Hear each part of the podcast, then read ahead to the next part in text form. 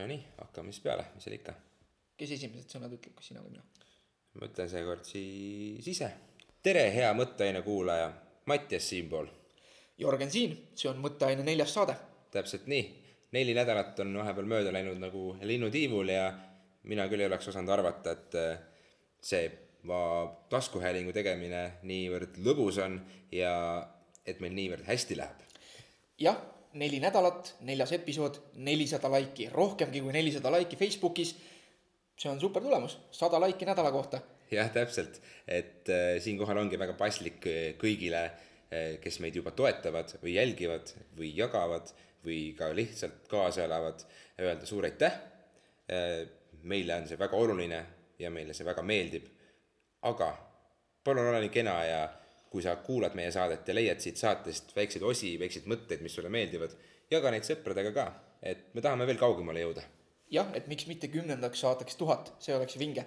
sest äh, see on tõesti tähtis, et äh, hetkel meie suurim motivatsioon on just see, et me jõuaksime võimalikult paljude inimesteni, kellega oma mõtteainet jagada. Nii, sellega seoses on meil, kuulajatega seoses on meil uus rubriik ja selleks on nädala küsimused ja kuulajakirjad, sest kuna meil on tekkinud kuulajad, siis on ka tekkinud inimesed, kes äh, meile küsimusi saadavad. Jörgen, sina kui äh, MMA spetsialist, mis sa arvad, kas see matš saab olema ja kui saab, siis kuna see võiks toimuda ja milline on sinu hinnangul äh, selle võimalik tulemus? ei jaksa mõelda kõikidest matšidest, mis võiks olla.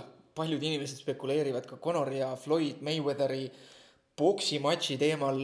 minu arvates mõttetu, seni kuni allkirjad paberil ei ole, senikaua noh, okei okay,, fantaseerida ikka võib, on ju, kellele fantaseerimist ikka keelata. Khabib on hea maadleja, Conor on hea lööja, põnev matš oleks, aga ma arvan, et ei tasu ette rutata. ja ühtlasi kõikidele kuulajatele mõnes mõttes mõnedele innustuseks ja teistele kergenduseks me süvitsi MMA juttu hakkame võib-olla tegema hoopiski eraldi saadetes. mitte võib-olla, vaid päris kindlasti. just nii, et äh, esimene episood ilmub juba paari päeva pärast ja see saab olema siis äh, MMA mõtteaine. ma arvan küll jah, et täpsemalt räägime sellest veel enda MMA minutites. jah, teine küsimus, väga hea küsimus, mille saatis meile Hedi. tema küsis eelmise saatega seoses, et äh, kui stressi vastu kasutada justkui mingeid selliseid nagu toredaid ja häid asju, nagu näiteks jooksmine. et kui on jube stress ja siis minna jooksma ja sellest on nagu hea olla, et kas see on siis õige, et kas on õige enda murede eest ära joosta nii-öelda või võib siis sellest välja kasvada hoopis sõltuvus näiteks jooksmisest ja siin ma vastaksin, et tegelikult tasub lihtsalt võtta, et kuidas mingisugune asi töötab. Kui inimene muudkui jutumärkides jookseb enda murede eest ära ja selle tõttu nagu need mured lahendamata jäävad, siis pikas perspektiivis ei ole see ilmselgelt funktsionaalne. Võib ka tulla ületreening ja igasugused muud hädad. aga kui see aitab lüüa pea klaariks ja peale seda inimene kas läheb hea tujuga magama ja saab enda asjade lahendamise kallale asuda järgmisel hommikul või juba samal õhtul tunneb, et tal on nüüd energiat enda muredega tegeleda, siis on tegemist väga positiivse ja funktsionaalse toimetuleku strateegiaga ja laske aga käia. et tuleks vaadata nagu konkreetse inimese konkreetse juhtumi kontekstis. no just, et kaks tuhat kolmteist aastal, kui mina ise olin äh, eelmisel, sellele eelnenud sügisel saanud isaks ja olin äh, väikese kaalutõusu läbinud ja olin selline hästi kodune ja mugav, siis kaks tuhat kolmteist suvi ma hakkasin elus esimest korda tõsisemalt jooksma. sul tuli, sul tuli dad bod. just täpselt ja pole midagi häbeneda, et see juhtub ka meist parimatega ilmselt. et äh, võtsin endale lihtsalt sellise Runkeeper äpi, paljud seda ilmselt teavad ka. et äh, hakkasin viiest kilomeetrist pihta, üsna ambitsioonikas ja nädala ajaga ma juba jõudsin seitsme-kaheksani ja siis sai minule väga harjumuspäraseks selline kümnekilomeetrine ring. panin äh, audiobook'i peale, tegin jooksuringi ja kuskil tund aega ma jooksin, jooksin nii palju, et hakkasin iga päev seda tegema, tegin lõpuks haiget endale ja siis ei saanud umbes kuu aega normaalselt kõndida, et äh, jooksin natukene üle. jah, et ilmselt see oli sulle nagu selline noh, hea nagu stressimaandus, et korraks kodust välja saada, aga aga ju sa siis tõesti ei, ei osanud piiri pidada. et iseenesest nagu mida räägitakse fun fact dadboard'ist, et äh, seal pidi olema isegi, et kui lapsed sünnivad, siis isadel, kes on pere juures, et lähebki nagu natukene testo alla ja ja siis ongi lihtsam omandada pisut pehmemaid vorme, lisaks sellele, et magamatuse ja muu sellise kontekstis on niikuinii võib-olla käsi ka varmam haarama kommikausi järele näiteks Mattias, kas sina kardad liftiga sõita, ei karda aga oled kunagi kartnud? Ma kardan kõrgust, kui lift väga kõrgele mind viib ja ma lõpuks sealt liftist välja tulen ja aknast näen, siis võib-olla ma hakkan kartma. okei okay,, igasugused hirmud on iseenesest põnev teema võib-olla mõneks järgmiseks korraks, aga mida mina sellel nädalal avastasin, noh, ega ma ka kunagi ei ole päriselt liftiga sõitmist kartnud ja, ja lõppude lõpuks ma elan liftiga majas. et, et päris regulaarselt tuleb sõita, aga alati on ikka mind nagu noh, ma ei saa nüüd öelda, et on vaevanud mõte, aga ma olen tihti mõelnud, et okei okay,, et aga mis siis ikka juhtub, kui lift alla kukub. ja, ja mis värk selle liftiga ikka täpselt on. väga lihtne, enne kui ta alla kukub, siis hüppad õhku ja siis sa ei võta põrutust vastu. ja, ja kusjuures see oligi minu selle nädala avastus, ma täiesti pooljuhuslikult sattusin selle peale, et äh, tegelikult on lift palju turvalisem asi, kui enamus inimesi arvavad.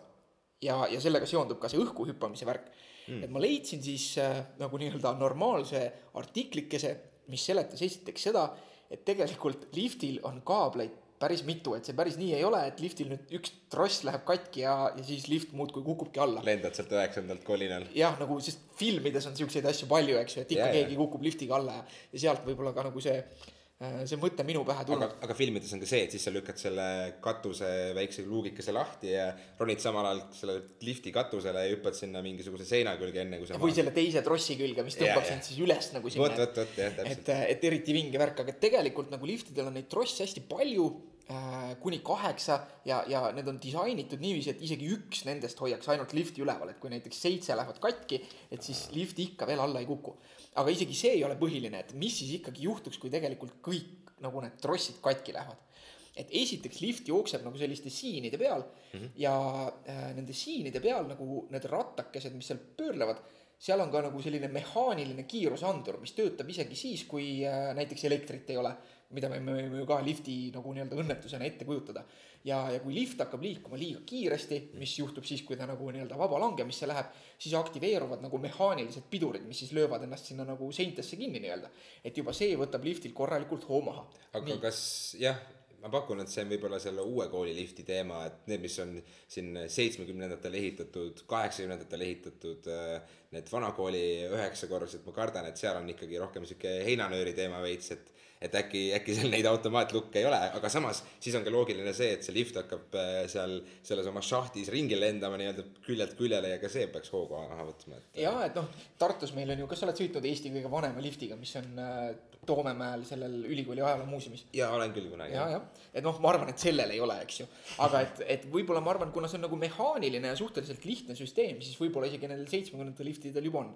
nii, ja, ja siis lisaks sellele on veel lifti all ka enamasti nagu selline turvapadi, mis on nagu kuidagi silindritest ja mingi õliga täidetud nagu veits sihuke hüdrauliline süsteem, mis veel omakorda pehmendab seda lööki.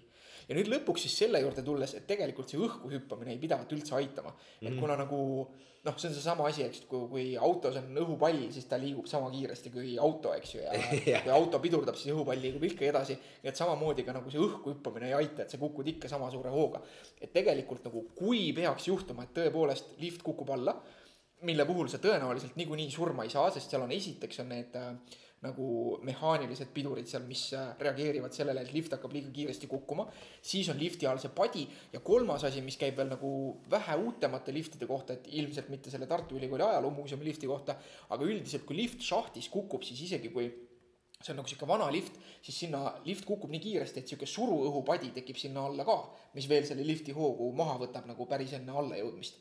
noh, kujutad ette, eks ju, et see õhk nagu muidugi, kompenseerub seal. nii, ja, ja kõige parem tegelikult on lihtsalt, kui sa juba selle liftiga kukud, siis kõige parem on heita pikali. sellepärast, et siis nagu jaotub see äh, löök nagu sinu keha peal kõige ühtlasemalt ja ei ole ohtu, et nagu mingisugune üks jäse saab näiteks kõige suurema löögi. Nii et äh, vot, sellise asja sain sellel äh, nädalal teada. teen meritähte või võtan looteasendisse, mis see soovituslik asend on seal maas. no seda seal artiklis ei olnud, aga loogika ütles, et võib-olla pigem nagu looteasendisse, et kaitsta ja. nagu pead ja niiviisi. mõistlik et plaan., et võtta näiteks kätega peast kinni, et, et selle ma sain sellel nädalal teada ja edaspidi on palju rahulikum liftiga sõita. kuule, mul on ka nüüd palju julgem kohe. sa ütlesid, et sa ei kartnud. aa, jaa, jaa, ops. et ja teine sihuke väike asi, mis ma teada sain, et ka täiesti sihuke random või juhuslik asi, et äh, avastasin, et mu tuttavad noored on äh, Felixi ketšupi pudeli võistlusel teinud, mis on siis selline võistlus, kus inimesed saavad äh, anda enda disaini sellele, mis siis läheb Felixi ketšupi pudeli peale, on teinud sinna selle Con Pepe või siis nagu ma nüüd sain teada, et eesti keeles kutsutakse teda Peebuks ilmselt paljud kuulajad teavad seda rohelise konna meemi. Nad on sinna andnud enda siis kujunduse ja koguvad sellele likee, me paneme selle äh, saate märkmetesse, et te saaksite ka seda like ida, sest sellised võistlused on minu meelest nii jaburad, et selle peabki sihuke jabur töö võitma. ja siis ma uurisin seda, et mida ma ei teadnud, et Con Peep, kes siis on jõudnud ka Redditi esilehele juba Eesti äh, Alamteemas. Eesti alamteemas ähm, et Con Pepe siis on pärit ühest sellisest nagu joonistatud koomiksist, et ma olin küll neid äh, rõskeid meemisid varemgi näinud, aga aga ei teadnud, kust see Con päriselt pärineb. et need olid siis minu selle nädala avastused. kuidas sul oli? põnev, põnev. minu selle nädala avastus on võib-olla natukene äh, selline, kuidas öelda, elulisem. et ma olen viimasel ajal otsinud endale uusi taskuhäälinguid, mida kuulata ja kõik, kes on äh, võib-olla M- MMA maailmas jälginud äh, Joe Rogani podcast'i, on võib-olla kunagi kuulnud sellisest mehest nagu Aubrey Marcus, kes on siis selle Onity firma eestvedaja ja, ja üldiselt ka väga suur äh, ayahuasca entusiast ja, ja tal on päris mitmeid muid kõrval vingeid äh, ja põnevaid tegemisi. ja avastasin tema saate endale ja tema osad on kuskil pool tundi pikad üks mõte, mis mulle sealt meelde jäi, mis mis selle podcast'i nimi on? see on äh, Aubrey Marcus podcast, ma panen selle lingi ka saate äh, siia alla, et äh, kõigil, kellel on huvi äh,, paaril minu kolleegil juba tekkis, kui ma hommikul tööle tulles üks päev rääkisin neid mõtteid, et tal on väga tabavalt ära tehtud äh, turundus, et eelmise aasta viimase osa pealkiri on äh, kolm äh, kolm nippi, kuidas kaks tuhat seitse üle võtta või paremini läbi viia kui kaks tuhat kuusteist. et üks, lihtsalt üks väikene mõte sealt, mis mind ennast väga kõnetas, oli see, et äh, mina ka viimasel ajal või viimasel kahel aastal kuskil olen märganud, et et seoses sellega, et ma olen rohkem investeerinud enda aega ja tähelepanu töö, tööle ja samas ka tegelikult lapsed kasvavad jälle suuremaks ja elu läheb muudkui kiiremaks, siis tihtipeale ma tunnen, et äh, minu igapäevane elu on selline väga tormav, ma ei vaata õieti peeglissegi tegelikult, ma lihtsalt tean, et äh, üks jalg teise ees, kogu aeg on vaja punktist A punkti B jõuda, ma tihtipeale hilinen ja ma tihtipeale mõtlen asjadele, mis tegelikult pole hetkel seda aega väärt. see tähendab seda, et ma näiteks kiirustan tööle ja ma mõtlen mingisugustest tööasjadest, mis tegelikult mind sellel hommikul laua peal ei ootagi, vaid ma lihtsalt mentaalselt kurnan ennast pidevalt äh, erineva müra ja infoga, mis, mis mind, mis minu pead ja mis minu muresid nii-öelda või mis, mis mulle mure tekitab. ja siis sa leidsid endale veel ühe podcast'i, mida enda pähe nagu sisestada. just täpselt, täpselt. aga seal see hea mõte oli see, et kui sa märkad enda puhul seda ja sul on ka füüsiliselt juba võib-olla väsimatusest, väsimatusest, väsimusest oleks õigem öelda siis paha eh, mõtle, mõtle sellele, et, et sa oled, näed ennast teise inimesena kõrval ja, ja kui sa mõtled, et sul on näiteks lapsed, kellest sa väga hoolid või sul on ema, isa, on sul tüdruksõber, on naine, mees, et, et kas sa tahaksid, et, et temal oleks selline olukord, nagu sinul hetkel on ja mida sa talle soovitaksid, on ju. ja see ongi väga lihtne mõte, et, et vaata ennast lihtsalt kõrvalt ja, ja võrdle seda, et kas sa sooviksid seda oma lähedasele ja siis sa võib-olla märkad ka neid asju enda puhul, et natukene tagasi võtta ja, ja aega maha võtta ei ole ju tegelikult üldse patt, et eh, see on sulle endale tänuväärt. mine käi vanaemal külas, mine lõhu natukene puid, lülita telefon välja, tee midagi mõnusat vahelduseks ja see on tegelikult jubagi suur asi. kõlab hästi, mul oli tegelikult äh, sellel nädalal ka päris nagu siukseid raskeid hetki, kellel ei oleks, ikka vahepeal tuleb eksistentsiaalne äng peale ja mõtled oma elu järele ja mina nägin ka ühte päris head sellist eneseabiartiklit, mis tihtipeale on jube klišeelised ja sellised noh, lihtsalt, et mõtle positiivselt ja niiviisi ja, ja need mind vähemalt eriti kunagi ei aita. Aga ma nägin ühte sellist väga head kokkuvõtlikku väikest artiklikest, mida ma jagasin ka enda isiklikul Facebooki lehel, ei tea, kas sa nägid. ja vist nägin. aga, aga selle me paneme ka enda saate märkmetesse, et äh, mind tollel hetkel aitas see väga palju ja see sisaldas ka selliseid häid nippe, et, et mille peale mõelda näiteks kasvõi selle peale, et, et ongi olemas praegune hetk ja, ja tasubki keskenduda sellele ja kõik raskused, mida sa ületad, neid arme võid sa elus auga kanda, mitte siis hetkel praegu selle otsas kassida, et lihtsalt nii raske on. just, et äh, teinekord aitabki see, et lihtsalt keskendud ühele tegevusele korraga, et kui sa oled harjunud kümnele asjale mõtlema, siis tegelikult üldjuhul sa nagunii üle kolme asja korraga oma elus, oma päevas, oma nädalas äh, läbi viia ei jõua, sul on mingisugused suured teemad, ütleme, et sul on pereasjad, sul on tööasjad, sul on hobid, aga mis sa sinna muud ikka veel juurde liidad, on ju. Et äh, kui sa tegeled ühe asjaga, siis püüa mitte teistele asjadele mõelda, mõtle sellele, et nüüd ma kõnnin sinna, nüüd ma teen seda vaata lihtsalt natukene ringi ja, ja ära muretse nii palju, ma arvan. mina ütlen alati seda, et meil on elus kaks ressurssi, mis on alati piiratud, need on aeg ja tähelepanu. me ei saa kuidagi aega ja tähelepanu nagu säästa või mingisugusele kontole koguda, et seda siis panna intresse teenima, vaid aeg tiksub edasi ükskõik mis ja, ja meil kõigil on täpselt samasugune kakskümmend neli tundi, ise otsustame, kuidas me seda kasutame. kui me kasutame seda ühel moel, siis see aeg igal juhul selle aja jooksul kulub. ja, ja enamus inimesi võib-olla selle peale on juba mõelnud, aga mina ütlen alati, et sinna tasuks lisada ka nagu tähelepanu, et tähelepanu on samamoodi piiratud ressurss, et me ei saa enda tähelepanusse võtta kõike või, või teha kõike enda jaoks võrdselt oluliseks vaid me peame otsustama, kuhu me enda tähelepanu jagame ja igal ajahetkel meie tähelepanu on mingitel asjadel lihtsalt me peame võib-olla saama sellest teadlikumaks ja valima, et millele me seda siis kulutame. Ja tänapäeva infoajastus tegelikult see tähelepanu jagamine muutub järjest olulisemaks, et äh, see tähelepanu mõnes mõttes on, ongi nagu juba otseselt ka rahasse pandav, et selle nimel võitlevad Facebook ja Google ja kõik, kes meile reklaame tahavad näita, näidata ja, ja kõik need asjad, mis meile võib tunduda, et, äh, et on tasuta, mingisugused teenused, mis on tasuta, digimaailmas neid ju on väga palju, et need on tegelikult võitlus meie tähelepanu pärast, mis on väga otseselt mõõdetav nende kompaniide jaoks rahas. absoluutselt jah, olen nõus. meenus kohe su jutu peale selline väikene äpp nagu Headspace, mis on oma olemuselt siis selline programm, et äh, paned endale kõrvaklapid kõrva ja kuulad seda kümneminutilist äh, mediteerimise sessiooni kas või jalutades äh, ühistranspordis, bussipeatuses istudes kas või et kunagi proovisin ise ja tegelikult natukene aitas küll, aga ma ikkagi mõtlesin kogu aeg sellele, et mis nüüd järgmiseks tuleb ja kas nüüd ta hakkab midagi rohkem mulle rääkima ja, ja tänavamüra ja mööduvad inimesed ja kõik need asjad ikkagi tekitavad niivõrd palju stressi. ja ma elan, ma elan äh, Anne linnas ka korteris, et alati naabritest tuleb mingisugune heli kuskilt, midagi kostab läbi, koer haugub või keegi karjub või keegi peksab jälle enda naist, et nagu alati mingisugune jama ümberringi et äh, sellepärast ma ütlengi, minge käige vanaemal külas, ma nagu, minge olge seal hoovi peal vaikuses ja tõmmake üks äh, sõõm värsket õhku, et see on ilgelt mõnus asi. kuigi Headspace'i soovitan mina ka, et äh, me paneme selle ka kindlasti saate märkmetesse. Mm, kes vähegi tunneb huvi nagu sellise meelerahu ja mediteerimise vastu, siis Headspace on väga hea koht, kust alustada. ja kui on huvi, siis andke meile teada, et sellisest mindfulness'i või ärksameelsuse teemast võime me edaspidigi rääkida. jep, aga sellest tänaseks aitab. MMA minutid head uudised meie MMA minutite fännidele kui ka mittefännidele.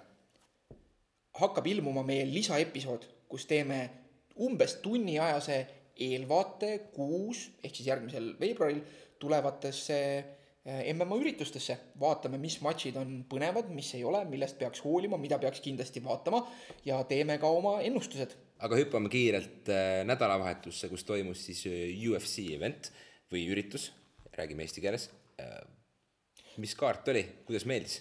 jah, kuna meie lisasaates tuleb eelvaade järgmisesse kuusse, siis sellest, mis eelmisel kuul, antud juhul siis äh, eelmisel nädalavahetusel toimus, sellest räägime siiski natuke veel siin.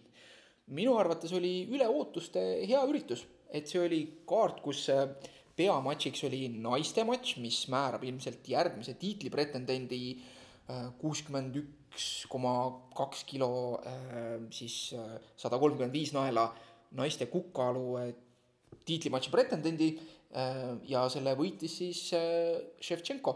Valeria, Val-, Valeri, Valeria, ühesõnaga mingi Ševtšenko äh, jah, ja ta võitis selle väga üllatavalt, ta äh, pani armbaari.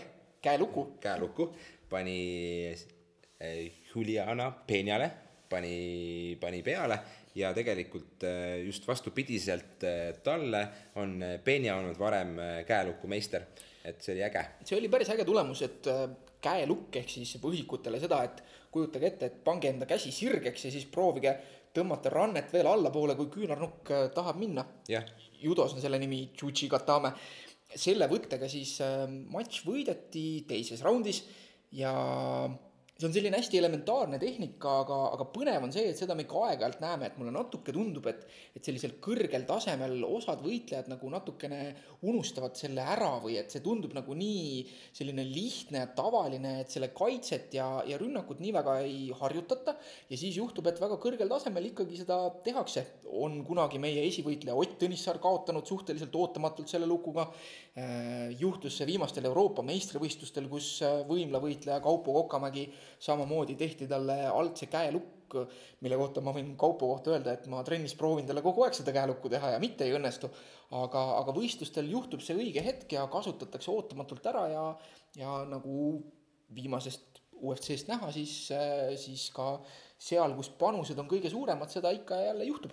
jaa, aga lisaks oli sellel peakaardil vähemalt veel Masvidali ja Cowboy Cerrone eh, matš mida mina isiklikult väga ootasin, äh, vaatasin ka ja natukene kahju oli näha, et äh, Cerrone rong pandi jälle järjekordselt seisma, mida tegelikult ei juhtu üldse tihti.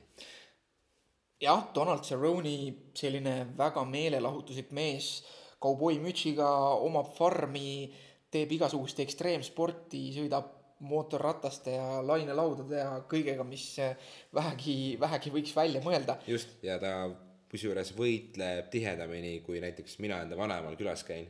nii et äh, ta on äh, äge, äge vend ja kahju oli näha, aga samas ka Masvidal on selline uus äh, paha poiss, kes ka kindlasti nüüd on suure tähelepanu all seetõttu ja ma arvan, et ta ei ole ka teps mitte halb võitleja. seda oli ürituselt lahe vaadata iseenesest selle eelloos ja kõiges selles, et kuidas üritus toimus Denveris, mis on Donald Cerrone nagu kodulinn ja Masvidal nagu korralikult äh, haukus seal vastu pressikonverentsidel ja, ja, ja nii-öelda tegi Cerrone'it maha, aga, aga see võib-olla on inimestele alguses natukene võõristav, aga see on lihtsalt selline mäng minu meelest, mis spordi juurde käib ja kui sa tead, et sa oled niikuinii nagu see nii-öelda väljakutsuja või ründaja, lähed nagu nii-öelda võitleja kodubaasi, siis niikuinii on need pressiküsimused provotseerivad ja niikuinii nagu see rahvas, kes mõned õlled on tarbinud, teeb sulle buu seal ja, ja, ja noh nagu öeldakse, et spordis on oluline see, et sinust räägitaks. see, kas sinust räägitakse kui halvast tegelasest mm. või heast tegelasest,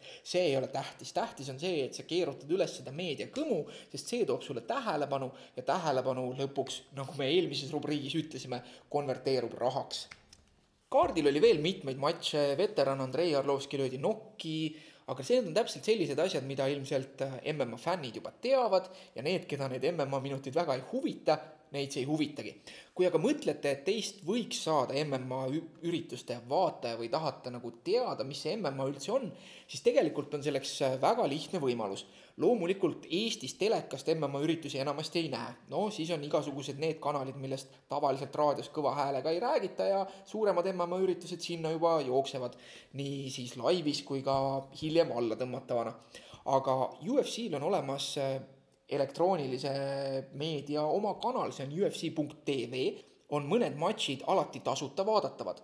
ja olgugi, et UFC Fight Passil on regulaarne kuutasu, see on, kui ma õigesti mäletan, seitse eurot, kaheksa eurot. ühesõnaga kümps. kümps umbes, äh, mina seda isiklikult ostan, nii et sealt saan mina enda UFC doosi täiesti legaalselt aga esimese kuu saab tellida ka tasuta ja näiteks sellel samal UFC on Fox kakskümmend kolm üritusel, millest me just rääkisime, oli tasuta vaadatav matš kärbeskaalu matš Aleksandr Pantoja ja Erik Shelton, mis äh, kestis kõik kolm raundi ja oli väga meelelahutuslik ja tegevusrohke matš. nii et kes mõtleb, et võiks hakata vaatama, minge UFC Fight Passi, võtke endale see tasuta kuu ja vaadake seda matši. jep, link allpool nagu ikka.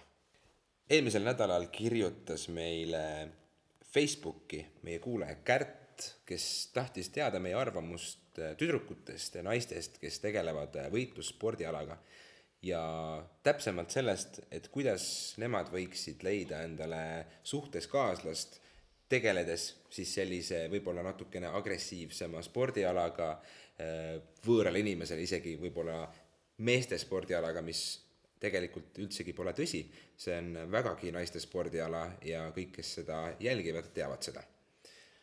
mõnus üleminek siin MMA rubriigist otse nädala teemarubriiki, milleks on meil suhted, me oleme kuidagi juhtunud sinna, et hakkame rääkima suhetest, nende leidmisest, kaotamisest ja kõigest sellest, mis selle juurde käib.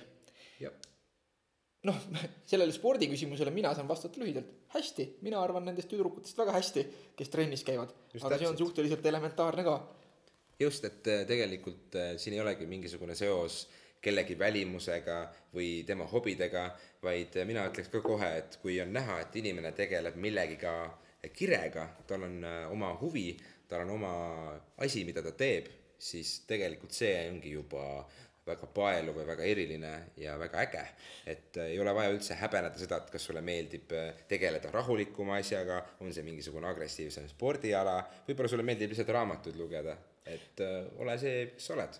võitlussport on ka füüsiliselt väga nagu selline mitmekesine, et äh, need inimesed, hoidsin ennast siin praegu tagasi ütlemast konkreetselt naised, aga tegelikult käib see kõigi kohta ja see seksism on nagu võitlusspordis mõnes mõttes sihuke päris suur teema, sellepärast nagu sa ütlesid, et peetakse meeste spordialaks. Anyway, need inimesed, kes trennis käivad, see on selline mitmekesine füüsiline koormus ja, ja saab ennast hoida heas vormis ja, ja üleüldse nagu naljaga pooleks äh, võib öelda seda, et kuna seda loetakse selliseks õhus jutumärgid meeste spordialaks, siis äh, trennis, see on tõsi, on tüdrukuid vähem kui äh, poisse Äh, ja noh, üldse, mis tüdrukutest ja poistest me räägime, on naisi vähem kui mehi.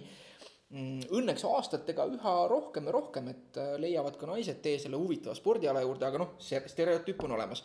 aga vähemalt senikaua, kuni äh, trennis see osakaalude suhe on kuskil noh, ütleme kaks kolmandikku, kolm neljandikku mehi ja üks neljandik kuni üks kolmandik siis naisi, noh, siis võib naljaga pooleks öelda, et kõik naised, tulge trenni, et sealt on suur tõenäosus leida endale meeldivaid mehi, sest neid on lihtsalt nii palju. Kärdi kirjas oli viide ka sellele, et okei okay,, mis ma just ütlesin, et kas siis peaks tõesti Matilt otsima või leidma endale kaaslast, mis sina arvad? ma arvan, et ei peaks. ma arvan, et ei ole tarvis üldse panna mingisugust piirangut peale. sa ei tea kunagi, kuidas sa oma erilise inimesega kohtud, kas see toimub äh, väga tihti ka praegu internetis toimub see näost näkku tänaval, bussipeatuses, see kõik on universumi otsustada nii-öelda. universumi otsustada, ütled sa? mismoodi siis sinu puhul universum otsustas, kuidas sul on läinud või, või kuidas sinu juurde kõik need inimesed on sattunud, keda ma eeldan, on olnud rohkem kui üks? Neid on, on tõepoolest rohkem kui üks olnud, aga eks nad on võib-olla erinevat moodi tulnud, et äh, meie oleme üles kasvanud sellel ajal, kus minu sebimise vanus on jäänud sinna internetisuhtluse äh, aega. internet oli sellel ajal juba täitsa kättesaadav igas majapidamises ja seetõttu läks suhtlus tegelikult juba seal kuskil äh, hilises puvekaeas äh, MSN-i ja, ja Reiti ja mis kõik need keskkonnad võisid olla. kas sa ICQ-d ka veel mäletad või? ma mäletan, aga ma tegelikult ei kasutanud seda, et äh, see on see koht, kus ma tunnen ennast eriti vanana, et, äh, et nüüd on ju Tinder ja värk ja Tinder räägitakse noortel siin mm. -hmm, mm -hmm. jah, Tinder on äh, vinge koht, ma olen Tinderit kasutanud ise tegelikult ja see on selles mõttes selline seinast seina asi, et mul üks mul hea tuttav, kellega ma käisin hiljuti veini joomas väljas, ütles, et kusjuures tegu on meesterahvaga et äh, tegi endale Tinderi konto, äh, swipe'is seal äh, tüdrukuid paremale-vasakule ja siis poes järjekorras jooksis ühe tüdrukuga kokku, kelle ta ära tundis ja samal päeval nad olid match inud ja siis ta vaatas lihtsalt oma ostukorvi ja, ja ei julgenud nagu pilku siduda, et natuke piinlik oli. ja ta ütleski tegelikult, et ta teeb seda selle jaoks, et saada ilusate tüdrukute tähelepanu, aga ta päriselus seda kontakti ei otsi see on, mina olen just kuulnud selliseid asju Tinderist, et minu tuttavad, kes Eestis on Tinderit kasutanud, mm, kui välismaal on Tinder nagu selline rohkem sihuke äh, juhusuhte teema ja, ja, ja otseselt nagu juhuseksuaalkontakti otsimine, siis Eestis näivad inimesed sellesse suhtuvat rohkem niiviisi, vähemalt need minu tuttavad, kes on reaalselt Tinderit kasutanud ja sellest rääkinud, et äh, ongi rohkem otsitakse nagu partnereid kohtinguteks ja kellega aega veeta ja, ja pigem on see nagu see, et ei ole niiviisi, et Tinderist kohe esimese match'i peale kohe voodisse nii-öelda, vaid pigem on see on nagu sihuke nii-öelda vanakooli sihuke, ma ei tea, nagu mingi niisugune meie meele äh, kunagine tutvumisrubriik kuskil ajalehes, et, et swipe itakse ja kui match itakse, siis tõesti saadakse kokku, vaadatakse, milline see inimene on, käiakse mitu korda väljas ja siis võib-olla läheb see suhe nagu tõsisemaks. ja kui selle jaoks nagu materjali ei ole, noh siis see nagu kukub lihtsalt ära. et, et ma olen ise mõelnud, et huvitav, kas asi on selles, et Eesti on lihtsalt nii väike, et, et siin nagu sellist noh, üldse juhusuhte kultuuri võib-olla on vähem või, või kõik niikuinii tunnevad kõiki ja noh, kuidas sa ikka paned ennast mingisuguses saja tuhande elanikuga linnas, nagu on Tartu või mis on Eesti suuruselt teine linn, et veel enam, et oletame, et sa elad kuskil Viljandis ja siis paned ennast Tinderisse ja, ja näed seal oma näiteks ma ei tea, mingisugust lapseõpetajat või, või, või keda iganes, keda sa tegelikult tunned. see on jah, nagu sihuke kummaline maailm minu arust üldse, kuidas inimesed, noh, suhetest rääkides, et kui ma mõtlen ka selle peale, milline ma ise nagu teismelisena olin ja, ja, ja praegu missugune nagu ühiskond, siis mulle tundub üldse, et tegelikult inimesed võtavad suhteid nagu liiga tõsiselt. et, et liiga tõsiselt võetakse igasuguseid sobimisi, mittesobimisi, kokkusaamisi, lahkuminekuid, et, et ja, ja selle erinevaid aspekte ka, et tõepoolest, et mis siis, kui sinul on inimesega midagi palju ühist või, või, või mis siis, kui asi tõepoolest jõuab selleni, et sinu mingisugused kehaosad puutuvad teise inimese kehaosadega kokku või, või mitte, eks ju. et, et ühiskond on sellest nagu üldse kuidagi natuke liiga hõivatud tervikuna, et ühest küljest see on nagu tabu ja teisest küljest on see sihuke asi, mis samas nagu kõikidel inimestel on hästi omane või lähedane ja, ja, ja natuke naljakas on see värk minu arust see on naljakas, aga samas see on ka tegelikult teisipidi jälle kurb, et äh, jah äh,, kümme aastat tagasi, viisteist aastat tagasi võib-olla isegi, kui mina hakkasin teiste tüdrukutega väljas käima, siis ma.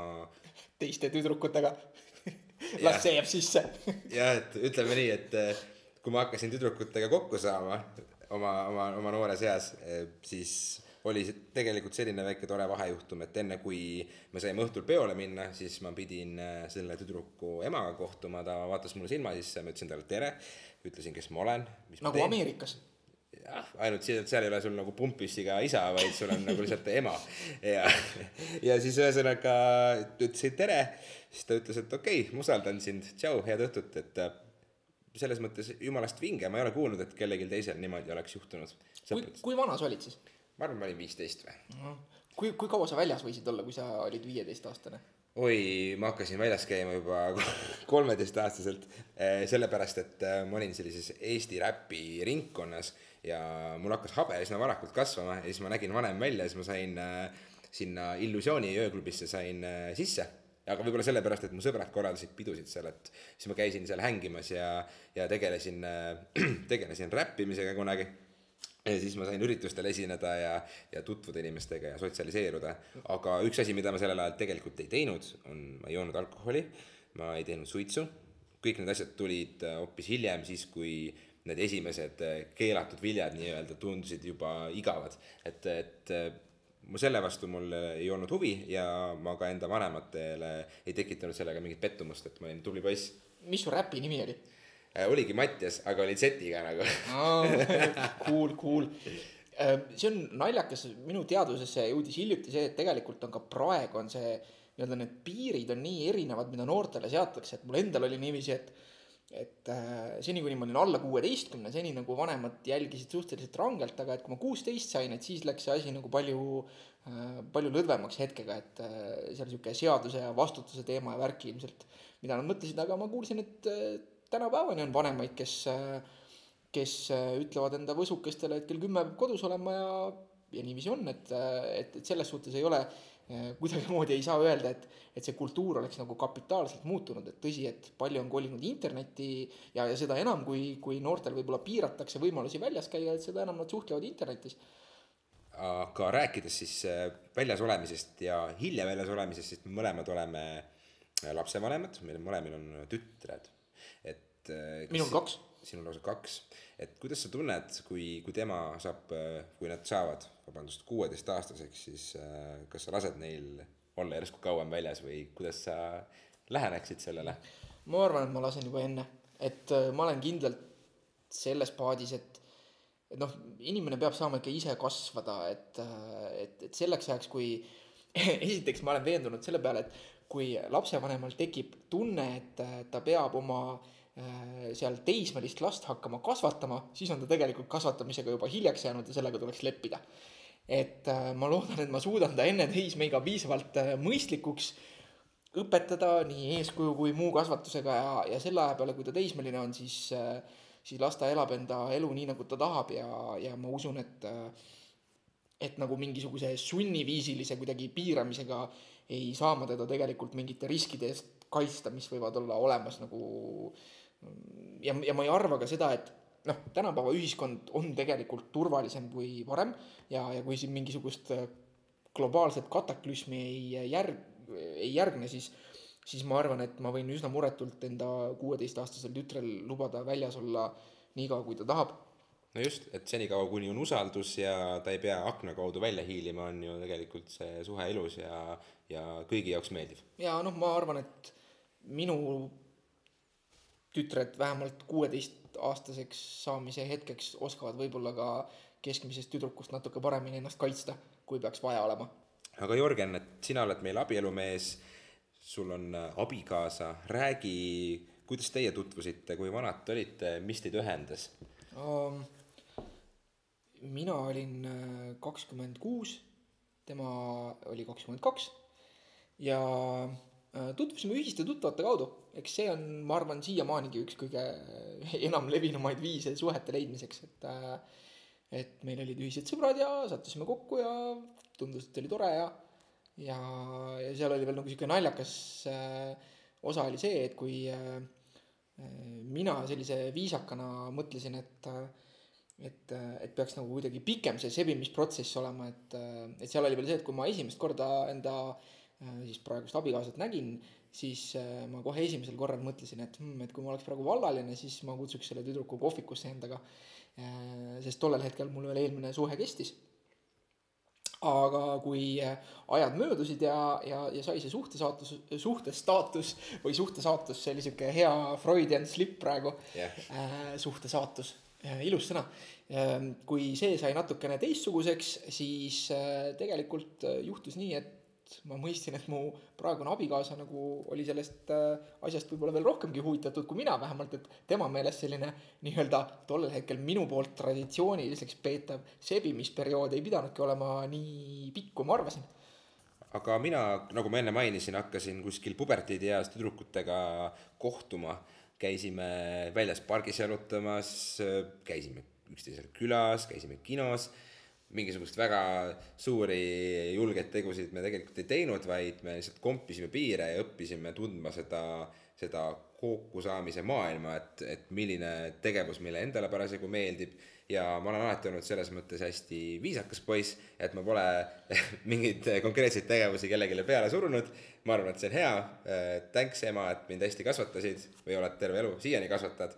et ähm, jaa, tüdruksõpru on äh, nooremas eas olnud äh, päris mitmeid ma arvan, et eks meil kõigil on, on need suhted jooksvalt mööda läinud, et üks päev oled, oled teemas, järgmine päev äkki enam ei helistagi, et see on veits selline lasteaia tase, aga ma arvan, et see on see esmane vajalik protseduur, mis tuleb läbi teha kõigil, ükskõik kui ebameeldiv see ka ei ole. aga kas sina oma kasvatuse, mainisid head kasvatust, et kas sina ei tunne nagu seda, mis mul on natukene, et et ma oma nagu sellises just noh, ütleme teismeeast kuni varajaste kahekümnendateni välja, et ma proovisin olla nagu mõnes mõttes nagu liiga viisakas või sihuke, et Äh, mitte ma ei mõtle, et äh, oleks pidanud olema kuidagi pealetükkivam, aga kõiges, mis puudutas nagu noh, armumist ja näiteks seda, et äh, millal hakata seksima ja millal mitte mm.. et, et kui ma oleksin selles olnud lihtsalt nagu avameelsem kõikide nende inimestega, kellega mul oli võimalus luua potentsiaalset suhet, mida ma oleks tahtnud või, või, või vastupidi, et nojah, et kellega mingisugune nagu sihuke sebimisfaas oli, et siis ma olen üsna kindel, et mina oleksin saanud palju rohkem ja palju kvaliteetsemat seksi, kui, kui ma seda mõnes mõttes sain, et ma nagu olin nagu liiga sihuke nagu noh, võib-olla äh, nagu püüdsin olla nagu rüütellik ja vähe pealetükkiv, aga tegelikult oleks pidanud lihtsalt olema ausam, rääkima rohkem oma tunnetest ja soovidest ja, ja ma arvan, et kõik oleks välja kukkunud nagu palju mõnes mõttes ehedamalt ja valutumalt, kui see tegelikult siis äh, läks jah, mis veel oleks välja kukkunud, eks aga, aga äh, jah, olen nõus, aga tegelikult see ongi võib-olla seotud sellega, et nüüd me oleme vanemad, kümme aastat, viisteist aastat vanemad sellest perioodist juba, vaatame tagasi ja loomulikult me saame aru sellest, et ka siis juba oleks võinud rääkida, et ma mäletan sellist toredat seika, et mul oli tüdruksõber, kellega me seksimiseni ei jõudnudki, aga me käisime koos kondoome ostmas apteegis. Ja meil oli nagu selline kokkulepe, et noh, et lähme ostame siis ära ja proovime järgi, et mis teema on. ja siis me seisime seal apteegis ja käisime nende lettide vahel ringi ja ei julgenud nagu kumbki väga seda teenindaja juurde nagu seda asja minna küsima. ja siis lõpuks ma võtsin julguse kokku ja tegin ära ja siis seest läks nii kergeks, et mul tuli tunne, et ma nagu hõljun minema kohe, et hästi piinlik oli kuidagi. aga tegelikult, mis ma tegin, oli väga õige ja väga normaalne, et et juba selles eas äh, turvalisuse peale mõeldes on see väga mõistlik, et kes ikka tahaks neljateistaastaselt äh, lapsevanemaks saada. ja et see on tegelikult nagu noh, see, on nüüd see osa, et mis sa ütled, et see on nagu äh, kurb ja, ja nõme, et ühiskond kuidagi on selline, et, et ühest küljest on nagu see romantiline ideaal loob nagu mingisuguse siukse surve nagu teatud suheteks ja, ja mis nagu ühele õigele suhtele justkui eelneb ja kõik see. ja, ja teisest küljest on see kõik kuidagi nagu sihuke tabu ja piinlik, mille tõttu siis nagu noh, ma ütlen, minu puhul see kindlasti kestis nagu varajastesse kahekümnendatesse välja. võib-olla isegi mitte noh, et ikkagi nagu mingi sihuke mitte ainult nagu seksi suhtes, vaid ka tunnetega nagu mingi selline natukene sihuke ühest küljest nagu vale häbiteema ja teisest küljest nagu see, et sa ikkagi niivõrd kardad nagu mingisugust nagu hüljatust, et mõnes mõttes nagu see noh, inglise keeles nad ütlevad fear of rejection, et, et eesti keeles on siiski nagu selline mahajätmise hirm. teinekord on see nagu nii suur, et sa nagu ei julgegi mingisugusele inimesele ennast avada, sest äh, see nii-öelda selle siukse tunde käes praadimine on nagu hullem kui, kui see potentsiaal, et, et ta äkki vastab sulle eitavalt. tegelikult äh, üks mõte, mis mul ka jälle hilisemas eas on peast läbi käinud, on see, et ma alati arvasin, et poisid on miskipärast räpasema mõtlemisega kui tüdrukud, aga ma olen hiljem aru saanud, et tegelikult see ei ole ka teps mitte tõsi, et äh, tüdrukud on päris räpased. jah, nagu see, noh, mina ütleksin seda, et tegelikult noh. et ma arvan, et lihtsalt täienduseks ütlen, et selles eas võib-olla nemad tahtsid neid asju sama palju teha, aga meie peas, meie poiste peas oli alati see, et me mõtleme endale, mis on meie järgmine samm, kuidas nüüd edasi liikuda asjadega, et võib-olla lihtsalt sellel ajal ei olnud või sellel ajahetkel ei olnud meil siis äh, lihtsalt energiat või, või piisavalt palju seda laiahaardelist mõtlemist, et näha ka nende vaatepunkti selles. see on, ma arvan, jälle see kultuurist tulenev selline võltsmoraal või võltshäbi, et äh, noh, ma ei tea kas sa oled kunagi kuulnud seda väljendit ka, et äh, kuidas öeldakse, et äh, et noh, et kuidas sa nimetad seda võtit, mis äh, avab kõik lukud, et see on üks väga hea võti, eks ju. aga kuidas sa nimetad seda lukku, mida avavad kõik võtmed et noh, et see ei ole väga hea lukk, on ju. ja siis seda kantakse üle nagu kuidagi meeste ja naiste seksuaalsusele, aga tegelikult see on ju nagu räige bullshit või noh, et. et, et miks peaks niiviisi olema ja, ja, ja ma arvan, et see ühiskonna poolt sihuke pealesurutav võltsmoraal, mis, mis tõenäoliselt teismelisi ja ka meid siis teismeeas nagu kõige rohkem mõjutas, et, et me kuidagi arvasime, et, et, et tüdrukud või naised, neiud on kuidagi eriliselt nagu sellised äh, rikkumatud ja, ja meie siis ei tohiks neid ka rikkuda, et noh, et see oli tegelikult räige jama. ja, ja ma arvan, et see on ka üks asi, mille kallal lõppkokkuvõttes mina nagu selles eas nagu kannatasin. enne kui ma sain aru, et kõige tähtsam, mille suhtes me, see on nagu läbivalt suhetega, et tegelikult ükskõik mis eas sa oled, et tegelikult lihtsalt peaks rohkem ausalt rääkima ja kõik kukub paremini välja jah, jälle väljakukkumise juurde tagasi, et äh, kui mina olin, jah, mina seksisin esimest korda seitsmeteistaastaselt alles, et enne seda ma olin võib-olla mingi viis, viie tüdruksõbraga käinud kohtamas ja, ja tundus nii-öelda pealtnäha täitsa tõsine suhe juba, aga selles võib-olla naiivses sellises lillelises romantilises olekus sa koged paljusid asju esimest korda ja sa ei oska näha äh, järgmist sammu ja siis, kui ongi üks hetk käes, et mis siis nüüd saab, et meil on, hakkab asi nagu tõsiseks minema, on ju, et mis me teeme, siis on võib-olla ikkagi ebamugav, et, et kuidas seda järgmist sammu astuda ja sa ei peagi teadma, see tegelikult ilmselt peabki imelik olema. Ja see tuleb lihtsalt äh, kogemuse ja ajaga, et see üks kaks, kolm, neli suhet, mis sinna ette jäävad, noh, ma tean ka inimesi, kes äh, neid asju ei tee enne, kui nad leiavad omale kaaslase ja siis nad abielluvad selle inimesega ja siis nad alles suunduvad nende tegevusteni, et seda ma ka ei poolda, et ütleme nii, et kui sa endale auto ostad, siis äh, proovisõitu sa teed ikka nagu, et äh, noh, on ju loogiline või mis? Noh, ma arvan, et siin on nagu tasuks respekteerida inimestevahelisi erinevusi, et meil on nagu lubatud või noh, on igati mõistlik, et kui mingid inimesed arvavad, peavad õigeks, on kasvanud sellises väärtuspildis või, või, või kuidagi ise tunnevad, et nii on õige, laske käia, et, et, et tehke aga, et, et selles mõttes, et inimene ei ole auto ikkagi ja, ja, ja, ja võib niiviisi teha, aga, aga jällegi, et, et tasuks olla üksteise suhtes aus. mis ma tahtsin sinu nagu sellise teismelise ja põnevuse kohta öelda või, või mis mõte mul tuli jälle selle aus olemisega, et, et see on nagu suuresti ka noh kellelgi sihuke klassikaline kirjandusteos on vist nagu tundekasvatus, ma ei mäleta, kuidas Emily Bronte või keegi sihuke äh,, ma võin räigelt mööda panna, aga, aga see on fine, et äh, selleks jupiks mul ei tulnudki pähe, et ma hakkan siin raamatutest rääkima äh,. ja ma ei ole seda lugenud aga äh, et, et tegelikult nagu vähe haritakse või keegi ei hari nagu noori ja lapsi väga sellel teemal, et kuidas peaks ja võiks oma tunnetest rääkida.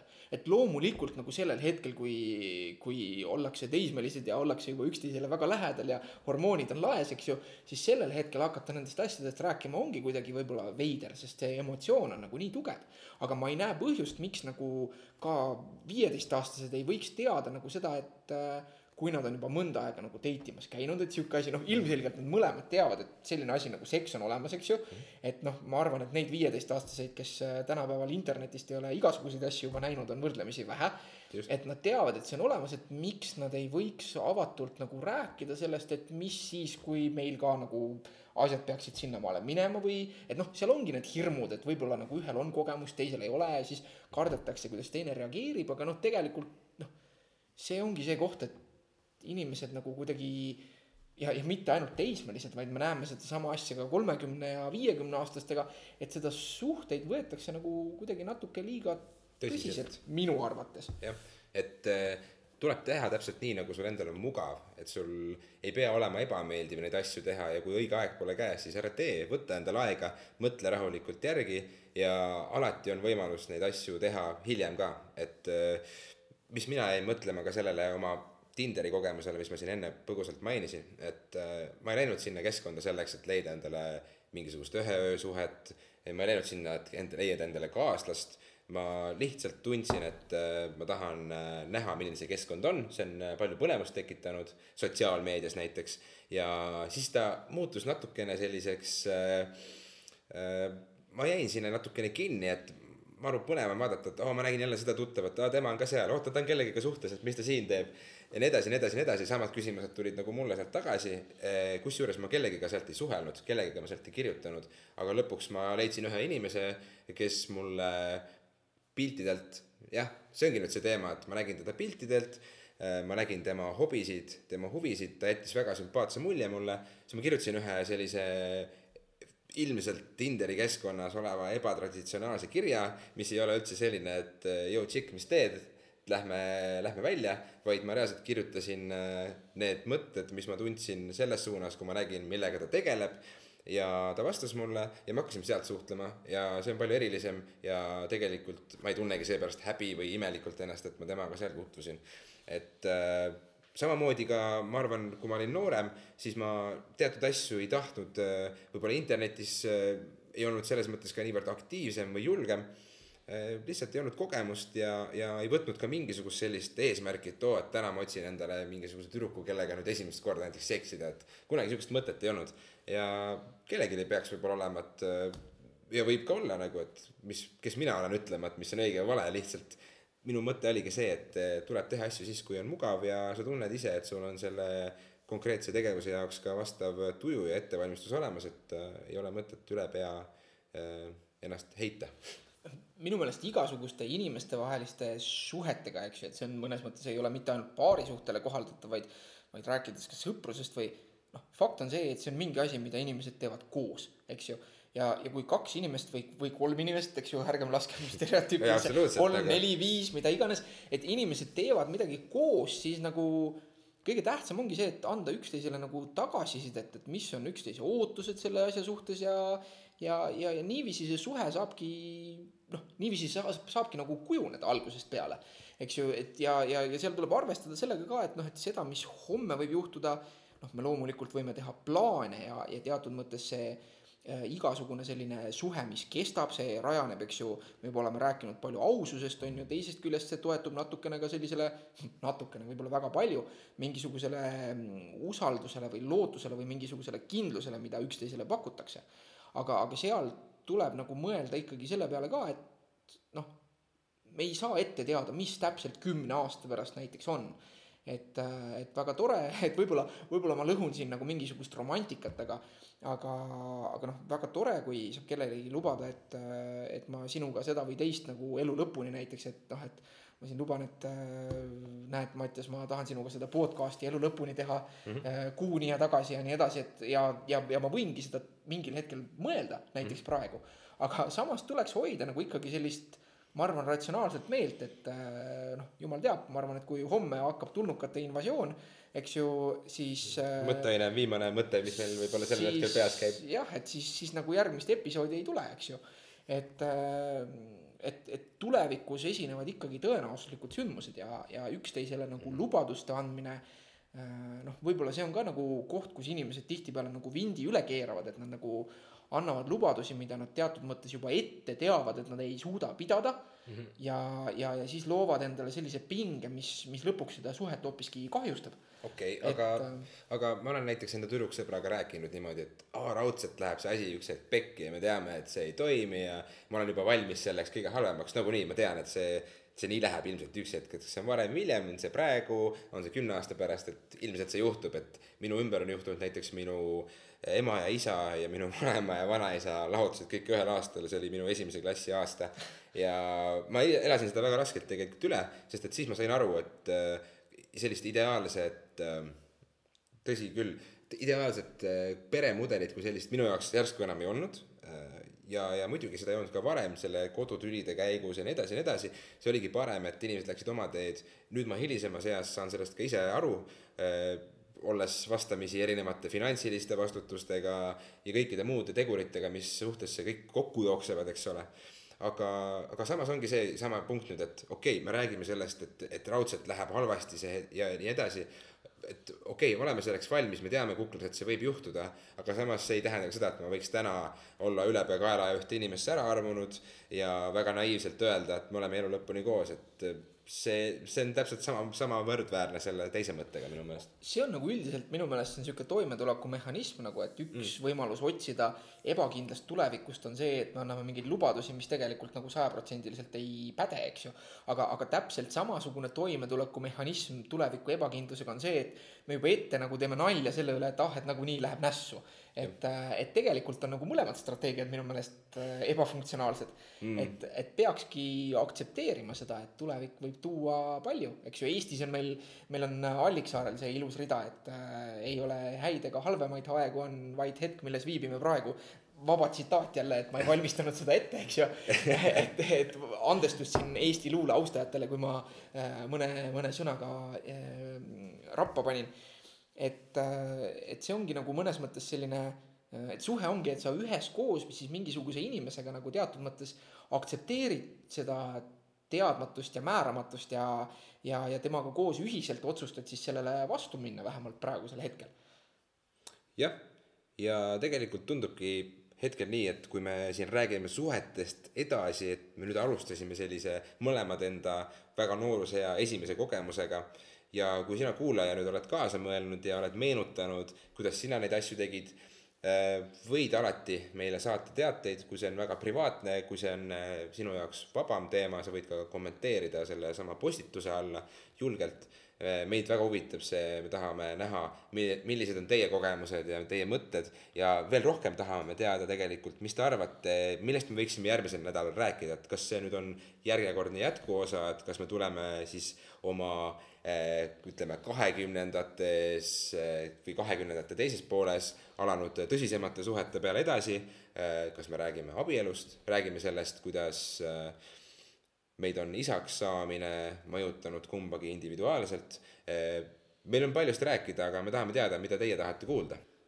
ja ongi jälle saade purgis. nukid, Mattias. nukid. meil on veel jäänud kaks asja. meil on jäänud välja loosida eelmisest saatest lubatud äh, PC-mängu Teet Põldkood. kuulajatel jääb üle ainult meid usaldada, me siin teeme niiviisi, et mina olen siin korraldanud äh, sellise loomuliku ja võimalikult vähe kallutatud loosi kõikide jagajate vahel ja Mattias, kes siis seda eh, protseduuri nagu ei näe, tema hakkab siis pimedaks fortuunaks siin on mul siis nimekirjas äh, kõik loosis osalenud ja ma jooksutan äh, järge mööda neid ja Mattias ütleb ühel hetkel stopp. nii, liigutan, liigutan, liigutan, liigutan. Mattias, ütle sobival hetkel stopp. stopp. Ja mängu on endale võitnud Andrei. palju õnne, Andrei, võtame Jee, sinuga Andrei. ühendust ja sina saad siis vastava Steam'i koodi. teine asi on see, et jääge ootama meie MM-ale pühendunud eelvaate episoodi. kogu info selle kohta meie Facebooki lehel ja muudes sotsiaalmeediakanalites. jep, aitäh, et olid meiega see tund ja mõtlesid kaasa. Kuulmiseni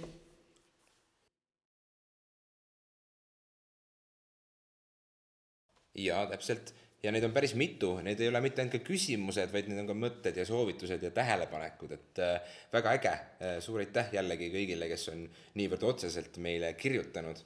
me igal nädalal valime mõned välja ja käsitleme siis neid lühidalt saates. just nii.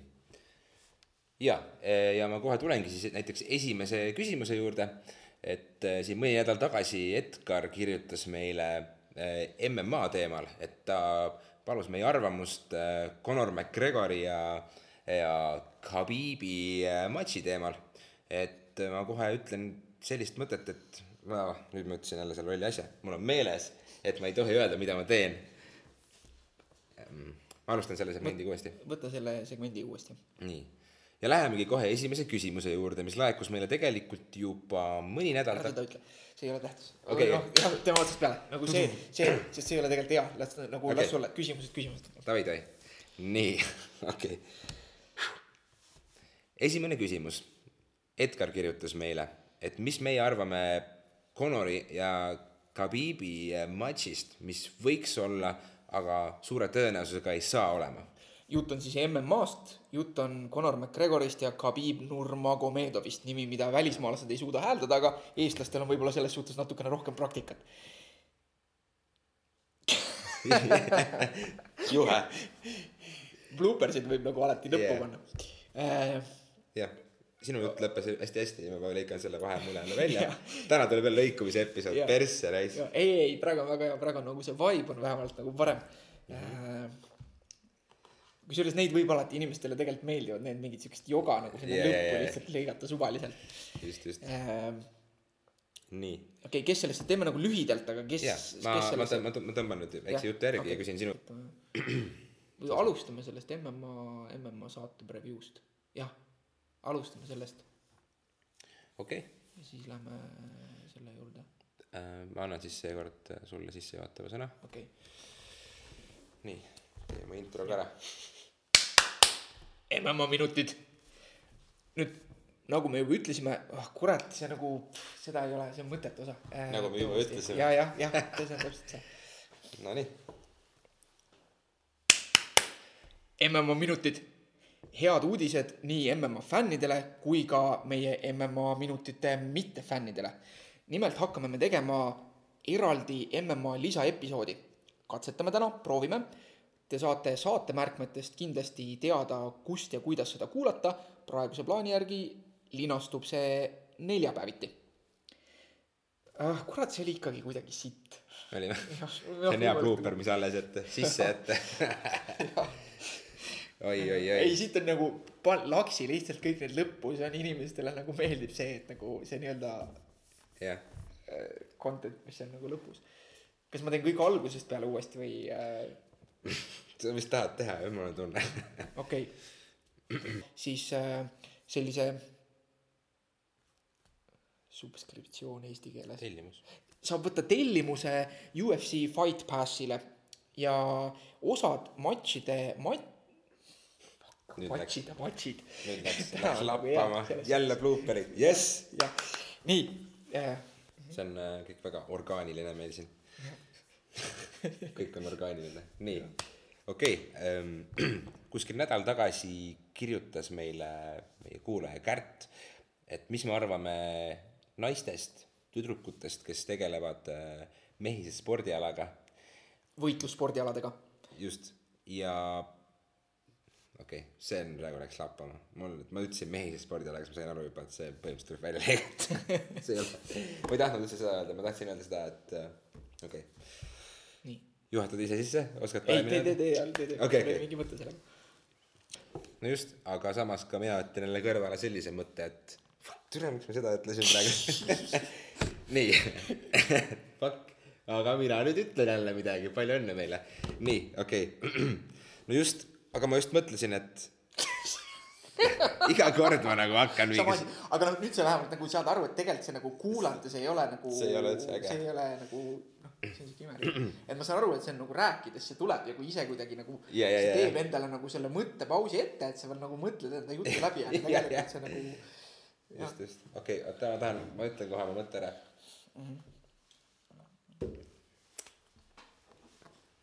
Kärdi kirjas oli tegelikult ka selline väikene tähelepanek, et äh, mis siis, ma ei oska sõnastada seda nüüd, ma tahan seda, tahan adresseerida seda, et, et kas ta peaks Matilt endale leidma kaasa, see on absoluutselt jällegi väärmõtlemine, et ära üldse, okei okay..